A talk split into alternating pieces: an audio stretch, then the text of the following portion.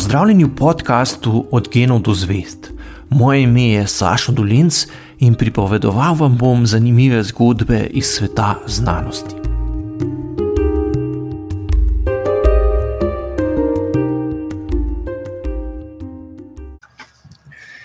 Ja, najlepša hvala za povabilo in za napoved tega predavanja o temi, ki nas je zadnje mesece, zadnje tedne, vse kar močno vznemirila. No. Sam napredek jezikovne umetne inteligence, ki se je zgodil zadnja leta, oziroma zadnje mesece, na nek način, strokovnjaki, ki že zelo dolgo delujejo na področju računalništva, ta napredek primerjajo s prihodom interneta. In, kot se spomnite, je internet, ko je prišel v naše kraje, v šole, na univerze, na delovna mesta, bistveno spremenil način, kako smo se marsikatere naloge lotevali. Ne.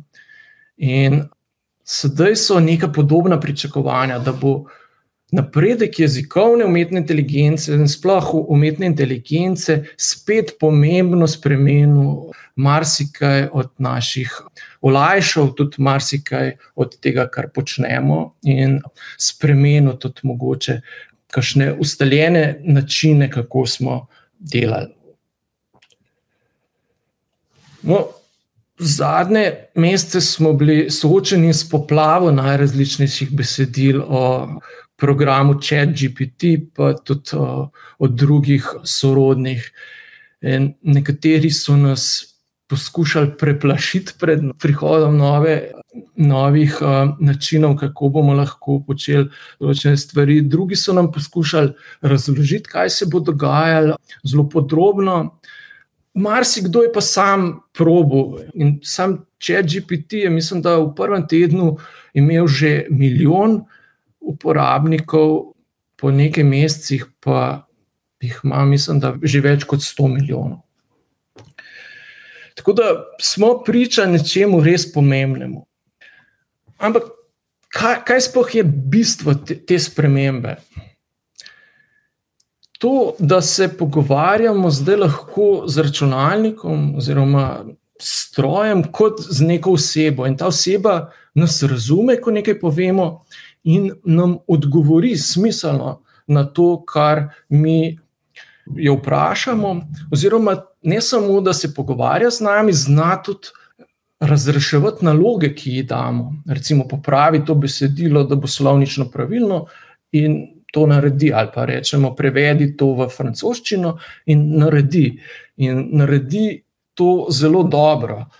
Tako da marsikaj omogoča izvajati bistveno bolj enostavno, kot smo bili to vajeni prej.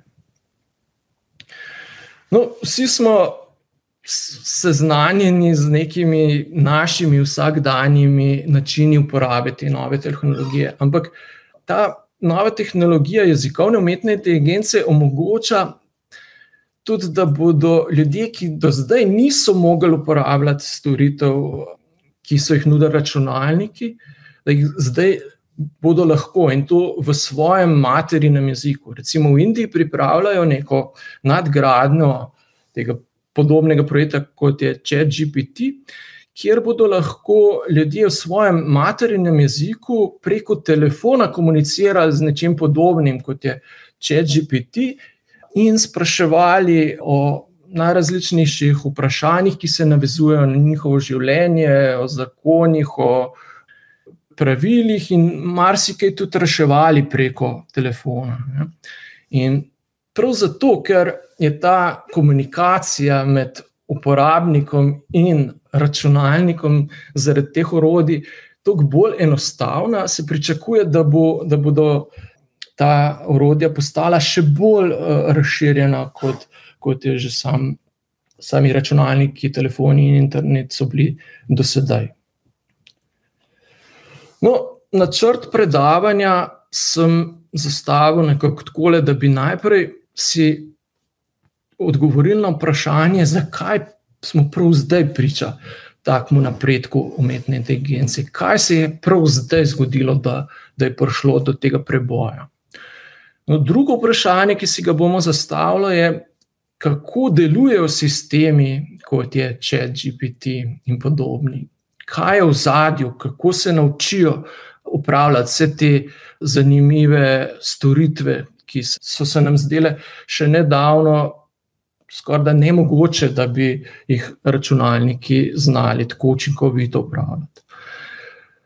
No, potem se bomo ogledali nekaj dobrih in slabih načinov uporabe te nove tehnologije, in se na koncu se še vprašali, kakšno je mesto te jezikovne umetne inteligence v šoli, oziroma kakšno naj bo mesto te inteligence v šoli. No, zakaj smo prav zdaj priča tako velikemu napredku umetne inteligence? Kaj se je zgodilo? Več elementov se je moralo pokriti. Prvi, zelo pomemben je, da je na voljo že kar nekaj let zelo veliko digitaliziranih podatkov, ki omogočajo oblikovanje zelo velikega korpusa, recimo besedil, slik, drugih posnetkov, ki omogočajo umetni inteligenci, da se uči. Recimo, da se nauči prevajati iz slovenskega jezika v angliški jezik, moramo imeti čim več besedil, ki so urejena tako, da imamo na eni strani slovensko besedilo, na, strani, na drugi strani angliško. In takih parov moramo imeti čim več, in potem se na podlagi tega umetna inteligenca lahko uči. Ali pa imamo, moramo imeti velike knjižnice slik, digitalnih, za katere vemo, kaj je na teh slikah. In podobno se lahko na teh podatkih umetna inteligenca uči. No, poleg podatkov potrebujemo pa še računalnike oziroma procesorje, ki so zelo učinkoviti pri učenju. In že tam, kmalo po letu 2000, se je izkazalo, da so prav procesori, ki so bili posebej prirejeni za izris, um, recimo, kakšnih 3D posnetkov ali pa igrc na uh, zaslonu, da so zelo uporabni tudi za izračunavanje oziroma za učenje umetne inteligence. To se pravi, grafične kartice so zelo pohitrile uh, umetno inteligenco in zdaj imajo tako ogromne farme grafičnih kartic, na katerih po, poganjajo te velike uh, sisteme, ki se učijo.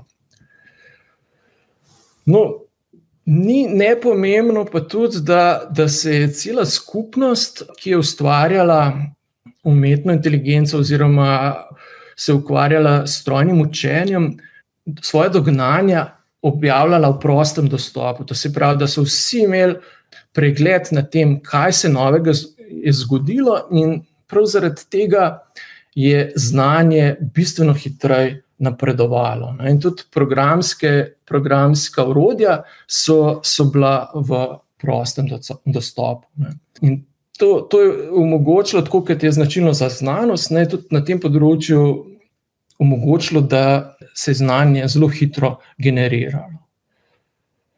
No, ti, ti trije pogoji, ne, to se pravi, da smo imeli na voljo veliko kakovostnih podatkov, ki so primeri za strojno učenje, da smo imeli ustrezne procesorje oziroma farme teh procesorjev, ki so lahko izvajali veliko ponovitev posameznih korakov učenja.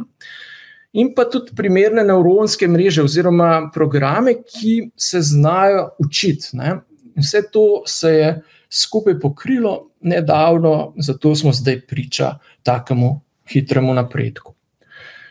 No, kako pa delujejo ti sistemi, kot je ChatGPT? Zdaj bomo najprej povedali nekaj bolj nasplošno, pa pa še konkretno o ChatGPT-ju. Klasično računalniško programiranje poteka tako, da poskuša programer vnaprej predvideti vse možne primere, kako bi lahko prišlo do interakcije računalnika in uporabnika, in vnaprej sprogramirati vse možne odzive. Ne. Programer ustvari algoritem, ki ga računalnik potem samo izvaja.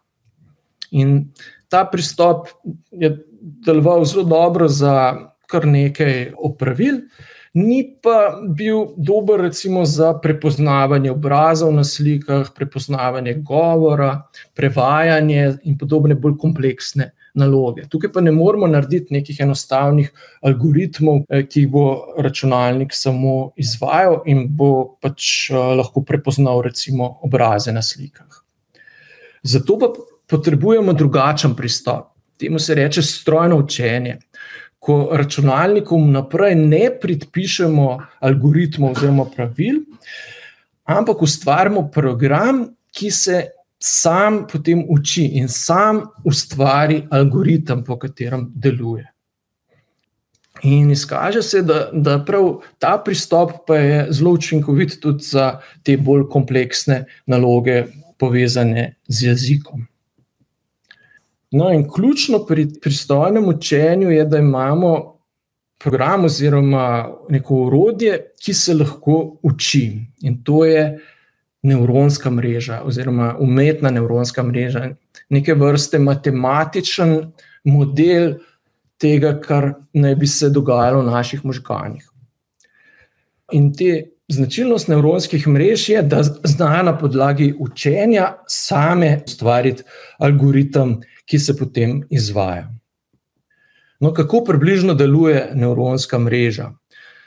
Predstavljamo si jo lahko kot um, matematično enačbo z zelo veliko parametri, ki jo želimo naučiti, da bo znala izvesti neko nalogo.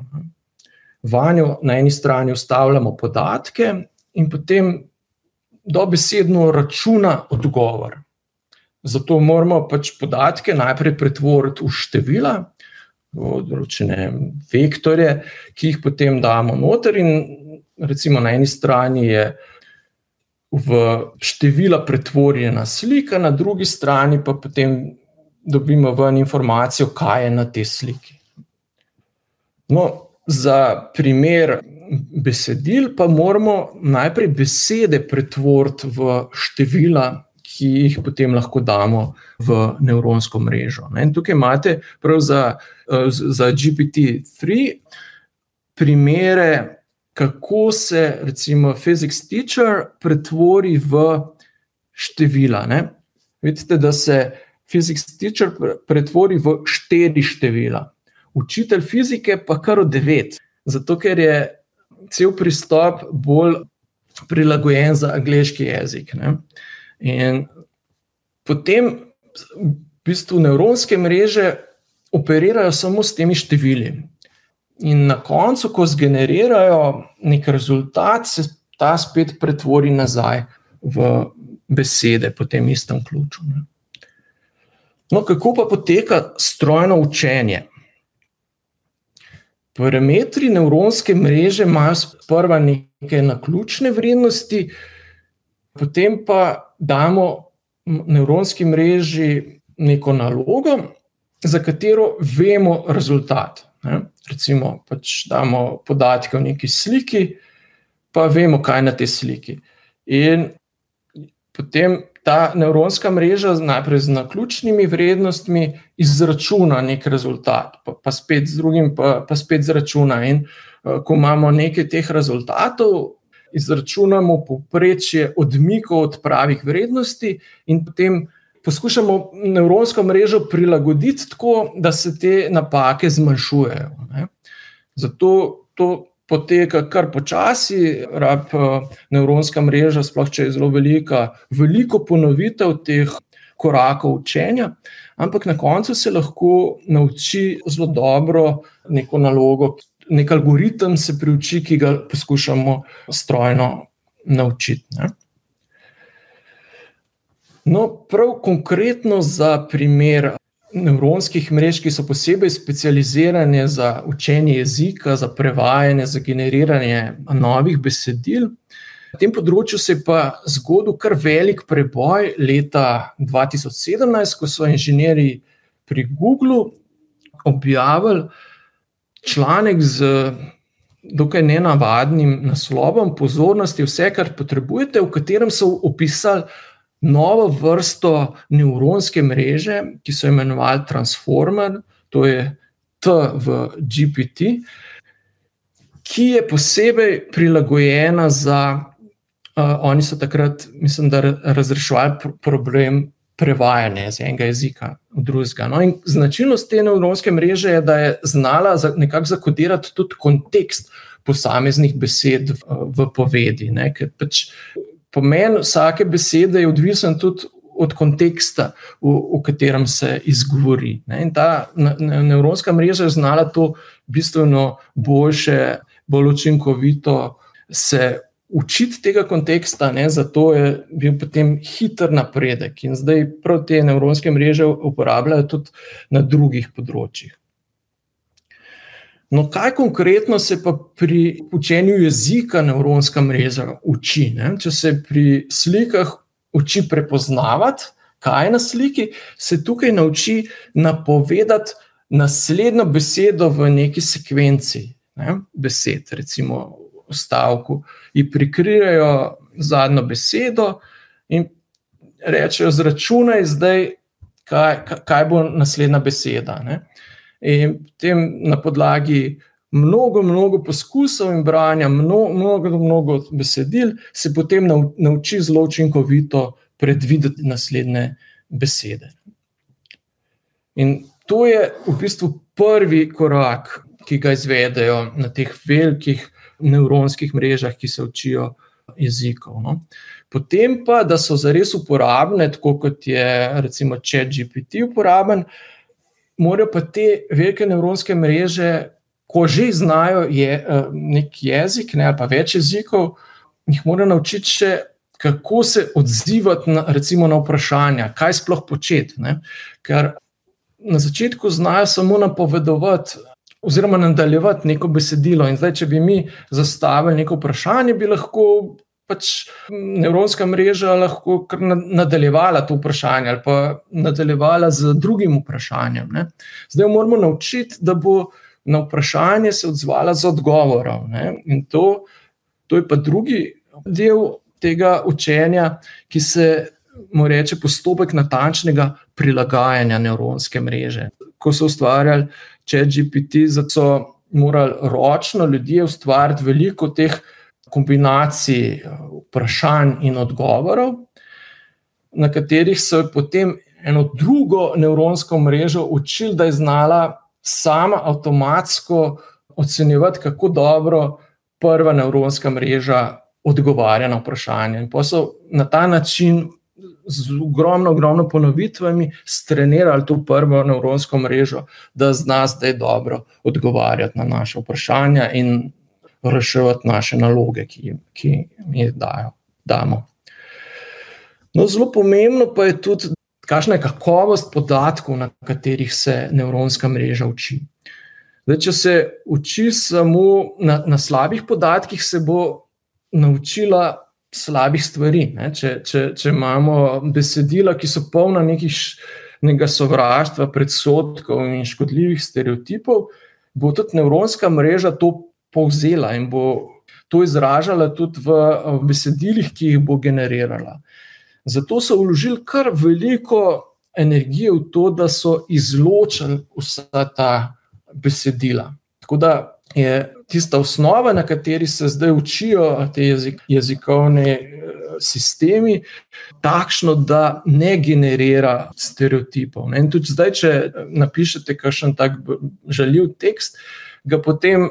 Sam jezikovni sistem zna preoblikovati tako, da bo bolj vključujoč in da ne bo, recimo, seksističen. No, zdaj imamo na nek način osnoven občutek, kaj sploh so um, nevropske mreže, kako so se nekaj naučile in kako si lahko predstavljamo, da mogoče delujejo. Ampak, ko jih uporabljamo, se pa takoj vklopi ta občutek, da na drugi strani je nekdo. Ki je pameten, ki, ki, ki nam bo odgovoril na, na naše vprašanja. Zato moramo tudi te tehnologije znati pravilno in smiselno uporabljati dogaja se zdaj vedno manj, da ta jezikovna umetna inteligenca halucinira. Kaj to pomeni? Da zelo samozavestno odgovarja recimo, na naše vprašanja na napačen način ali pa trdi kaj, kar ni res. Ne. Recimo, če GPT sistemu lahko naročimo, da nam generira recimo, reference nekih strokovnih člankov na določeno temo, ampak bodo večinoma te članke, ki bodo na prvi pogled izgledali čist eh, realistični, zares ne obstajajo. Ko, ko gremo iskat tak članek, ga ne najdemo, ne obstaja. Ne? Zato, ker je ta sistem generiral nekaj, kar zares ne obstaja in temu se reče haluciniranje. Bing, to je Microsoftov iskalnik, omogoča že tudi uporabo neke vrste um, pogovora, ne samo iskanja, kot neke vrste nadgradnje. In tukaj pa dobimo pri odgovorih dejansko reference, ki jih lahko preverimo s klikom na povezavo. In to je pa že bistveno bolj uporabno. Ne? In ko lahko sami preverimo, kaj nam odgovarja. Ne? Tukaj sem za poskus upisal kot vprašanje, bomo umetni inteligenci odprli šolska vrata v slovenščini v ta čat od Microsoft Binga. In kaj je bilo zanimivo, pač odgovoril mi je nekaj zelo nasplošno, ampak je dal tudi reference. In ker je to, kar sem ga vprašal, dobesedno naslov tega predavanja, je kot eno od referenc navedel napoved tega predavanja. Tako da zgleda, da je kar up to date. Ampak tisto, kar je zanimivo, je pa, da če sem vprašal v slovenščini, je dal reference samo v slovenščini. Tako da, če bi radi dobili, zgleda v tem sistemu, angliške reference, morate vprašati v angliščini. No, kaj, kaj je še zelo pomembno?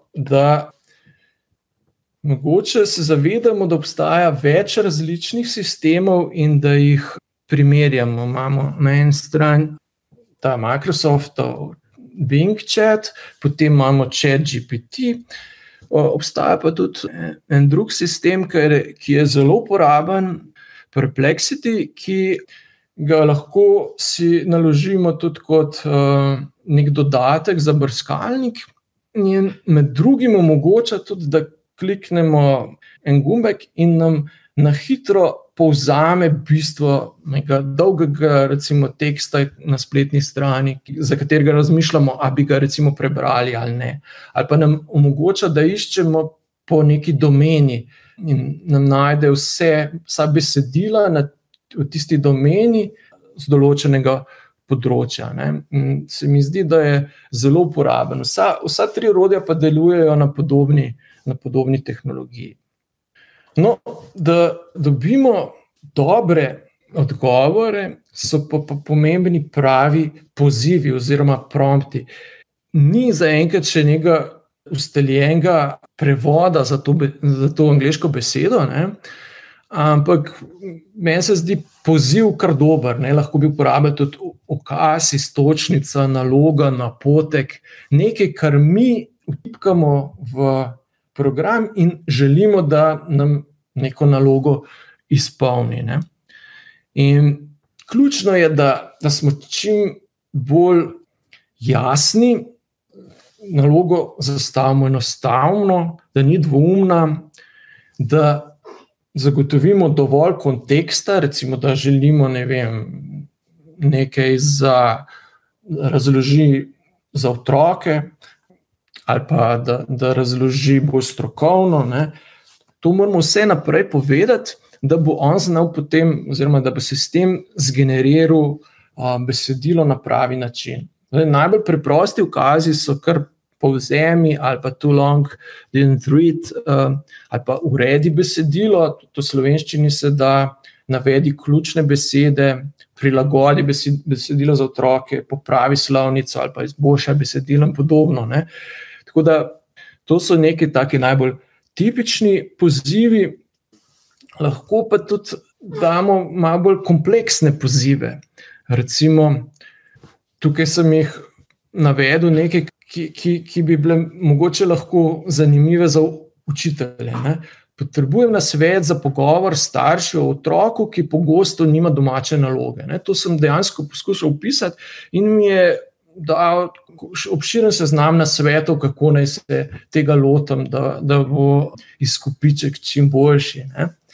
Ali pa poziv, da ustvari kviz o Newtonovih zakonih za učence stare 13 let z 10 vprašanji in tremi možnimi odgovori, od katerih je le en pravilen. Zdaj, tukaj morate biti zmeri pozorni na to, da se program lahko zmoti. In zavedati se morate, da ste vi tisti, ki ste garant pravilnosti ali pa smiselnosti kjer koli generiranega besedila s tem programom. Fajn je tudi, da recimo. Malo prilagajate te pozive in ustvarjate več možnosti, potem sestavite skupaj najboljše dele iz uh, različnih uh, odgovorov. Ne? Ali pa recimo lahko, lahko vam tudi svetuje, kako predlagati pet načinov, kako začeti ali pa izboljšati učno uro, recimo v fotosintezi za otroke, stare tok pa tok let. Obstaja tudi kar nekaj spletnih strani, tudi posebej prilagojenih za učitelje, ki vam pomagajo sestavljati te pozive oziroma prompte, ki so posebej prilagojeni za iskanje oziroma interakcijo z sistemom, če ste učitelji. Ne? So potem druge spletne strani, ki so recimo za novinarje ali pa za različne profesije. Ne? To malo pobrskate po spletu, in če, če vas zanima, najdete kar, kar veliko teh primerov. No, en tak zabaven, oziroma kar zanimiv primer uporabe je pa tudi to, da, da se lahko posnamete, ko recimo razlagate neko, neko vsebino, lahko se na telefon posnamete. Ne? Potem pa recimo z Wordom ali pa s kakšnim drugim programom pretvorite ta zvočni posnetek v tekstovni zapis. Word ima to zdaj že ugrajeno in prosto dostopno, mislim, da spletna verzija Worda da kar pač MP3 posnetek tam nekam presnamete in ti potem manj Word sam pretvori to v, v, v tekst. Ne. Ampak večinoma je uh, zapis oziroma prepis, direktni prepis govorjene besede zelo nenavaden. Ne. No, ampak prav programi, kot so ChatGPT, omogočajo, da ga zelo enostavno uredimo oziroma pretvorimo v, v obliko, ki ki je takšna, kot če bi si to vsebino sami zapisovali. Ne. To besedilo, ki je lahko dolgo, ne, če, če smo se posneli, razbijate na neke smiselne enote, in potem vsako od teh enot date v sistem z ukazom, recimo, uredi, mi, uredi besedilo ali pa spremeni v knjižno slovenščino. Ne. In večinoma zna kar dobro to, to narediti. Ne. In potem dobite iz vašega posnetka na drugi strani eh, eh, besedilo, ki je primerno za to, da, da si ga shranite, da, da mogoče začnete razmišljati o tem, da boste učbenik napisali ali pa kakšna gradiva. Ne? No, ustvarjanje teh istočnic, pozivov ne, je zdaj zadnje mesece postala neka zelo ta vroča, eh, vroča veščina. Ljudje, ki to znajo eh, zelo dobro pripravljati, so zelo iskani. Ne? Tako da to, to je nekaj, kar se bomo morali naučiti, podobno kot smo se naučili, recimo, um, uporabljati spletna urodja, e-mail in podobno. No, kakšno pa je mesto jezikovne inteligence, oziroma vseh teh urodij v, v šoli. Ker verjetno ste zasledili um, zadnje mesece, kako je bilo, predvsem v, mislim, v Združenih državah, kako so učitelji skočili, ko so se pojavili prvi javno dostopni uh, načini za uporabo te jezikovne umetne inteligence in, in ko so jih sami preizkusili, so ugotovili, da, da znajo pripraviti super, recimo, spis v nekaj minutah. Ne. Kako zdaj pristopiti? Moj nasvet bi bil, da postopamo nekako podobno kot pri Wikipediji. Ne. Tukaj smo imeli tudi um, na začetku, ko, ko se je pojavila Wikipedija, marsikje v šoli, kar težave, ker so učenci to direktno kopirali. Ne. In potem so jim učitelji razlagali, da ja, to ne smeš kopirati, ker Wikipedijo pišajo ljudje, ki jim ne moreš zaupati, ne, to niso strokovnjaki, to ni dober vir. Ne. No, zdaj imamo dovolj, uh, dovolj let že Wikipedijo, da vemo, da so besedila v Wikipediji večinoma zelo, zelo dobra. To pa zaradi tega, ker nihče ne sme ustvarjati gesel v Wikipediji, tako da kar sam piše. Tudi če je še tak strokovnjak za neko področje, ne sme pisati iz glave, ampak mora za vsako stvar, ki jo zapiše, navesti tudi vir. In če, če se pojavi neko besedilo v Wikipediji, ki nima vira, ga pač drugi um, moderator zbriše. Cela skupnost Wikipedije ima pa zelo dolg seznam, kaj so zanesljivi viri. Oziroma, včasih je bolj pomembno, katerih virov se ne sme uporabljati, ker so se že izkazali, da, da so bili viri napačnih informacij in dezinformacij. In ta pristop omogoča, da Wikipedija zelo učinkovito vzdržuje neki nivo kakovosti. Ne. In pravilna uporaba Wikipedije je, da gesla uporabimo kot neko prvo obliko sezna, seznanjanja z nekim, neko novo tematiko. Ne? In zato je tudi za otroke, za učence, za dijake, za študente zanimivo, zato ker nam. Ker jim da lahko zelo dobre povzetke novih tematik. Ne?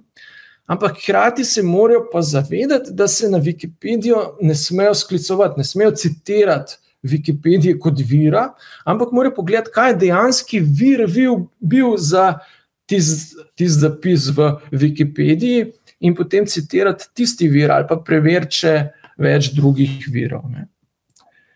No, mislim, da nekaj podobnega kot za Wikipedijo velja tudi za ta nova jezikovna urodja.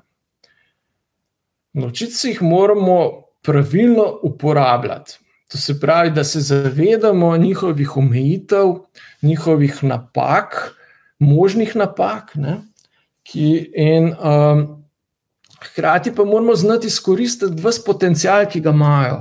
Zato se moramo učiti, kako pisati dobre pozive tem urodjem, da bomo dobili nazaj tisto, kar dejansko želimo in da bomo v tistemu lahko zaupali. Na koncu smo pa seveda zmeraj mi tisti, ki smo garant eh, resničnosti oziroma zanesljivosti nekega besedila. Ne? In mislim, da, da je prav, da otroke ne od, odva, odvračamo od teh orodij, ker uporabljali jih bodo tako ali drugače. Ne? Vsi jih uporabljamo, zdaj, ki imamo pač to možnost ampak jih moramo naučiti, kako pravilno uporabljati ta urodja. Ne? Recimo, da jim damo tudi določene naloge, ne si ustvarijo neke odgovore ali pa uh, mogoče povzetke ali karkoli s temi urodji. In se potem o tem njihovih izkušnjah, kako so to delali, in pa izdelkih pogovarjamo. Upišemo težave, prednosti, in spoznavamo otroke s, s temi urodji in jih učimo, kako je smiselno vse to uporabljati. To, če se zdaj za, za konec ponovno vprašamo to, to vprašanje iz naslova predavanja, bomo umetni inteligenci odprli šolska vrata.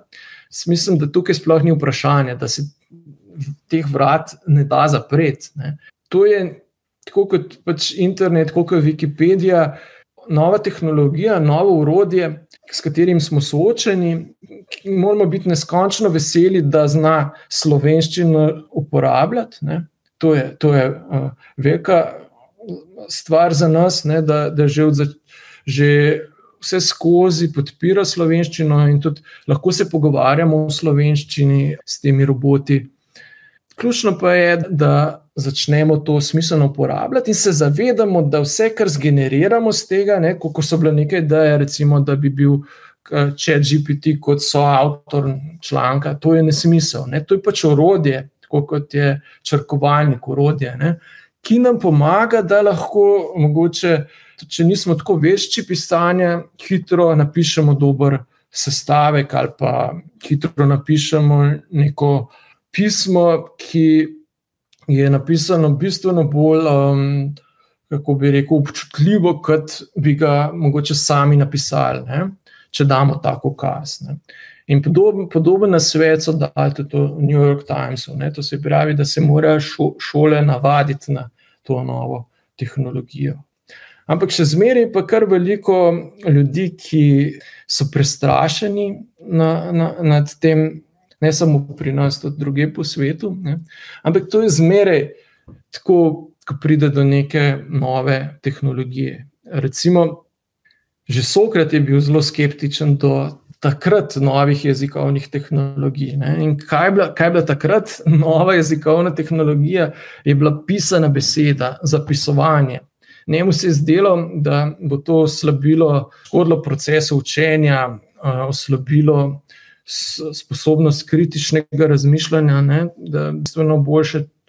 Če si zapišemo, da se nekaj naučimo, ker to bolj povzamemo, in pa tudi uh, zdelo se mu je, da samo branje ni tako učinkovito pri prenosu idej kot uh, neposreden dialog, ne, ko lahko sprašuješ, preverjaš, kaj drugi že je razumel in kaj ni, ne, ta sokratična metoda. Ne. Tako da, mogoče, če za konec bi lahko rekel, da bi.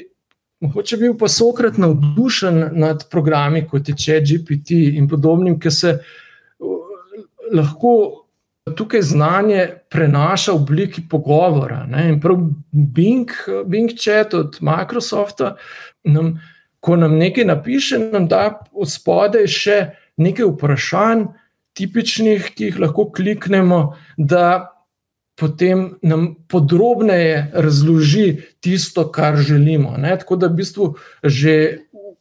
Vsa ta proces podajanja informacij je se generira nek, neke vrste dialog. Ne.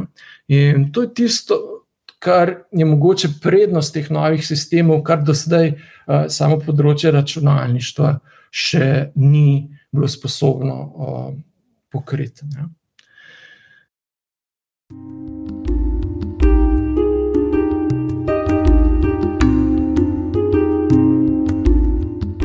To je bil podcast Od genov do zvest. Moje ime je Saša Dolence in z novo zgodbo se vam oglasim že k malu.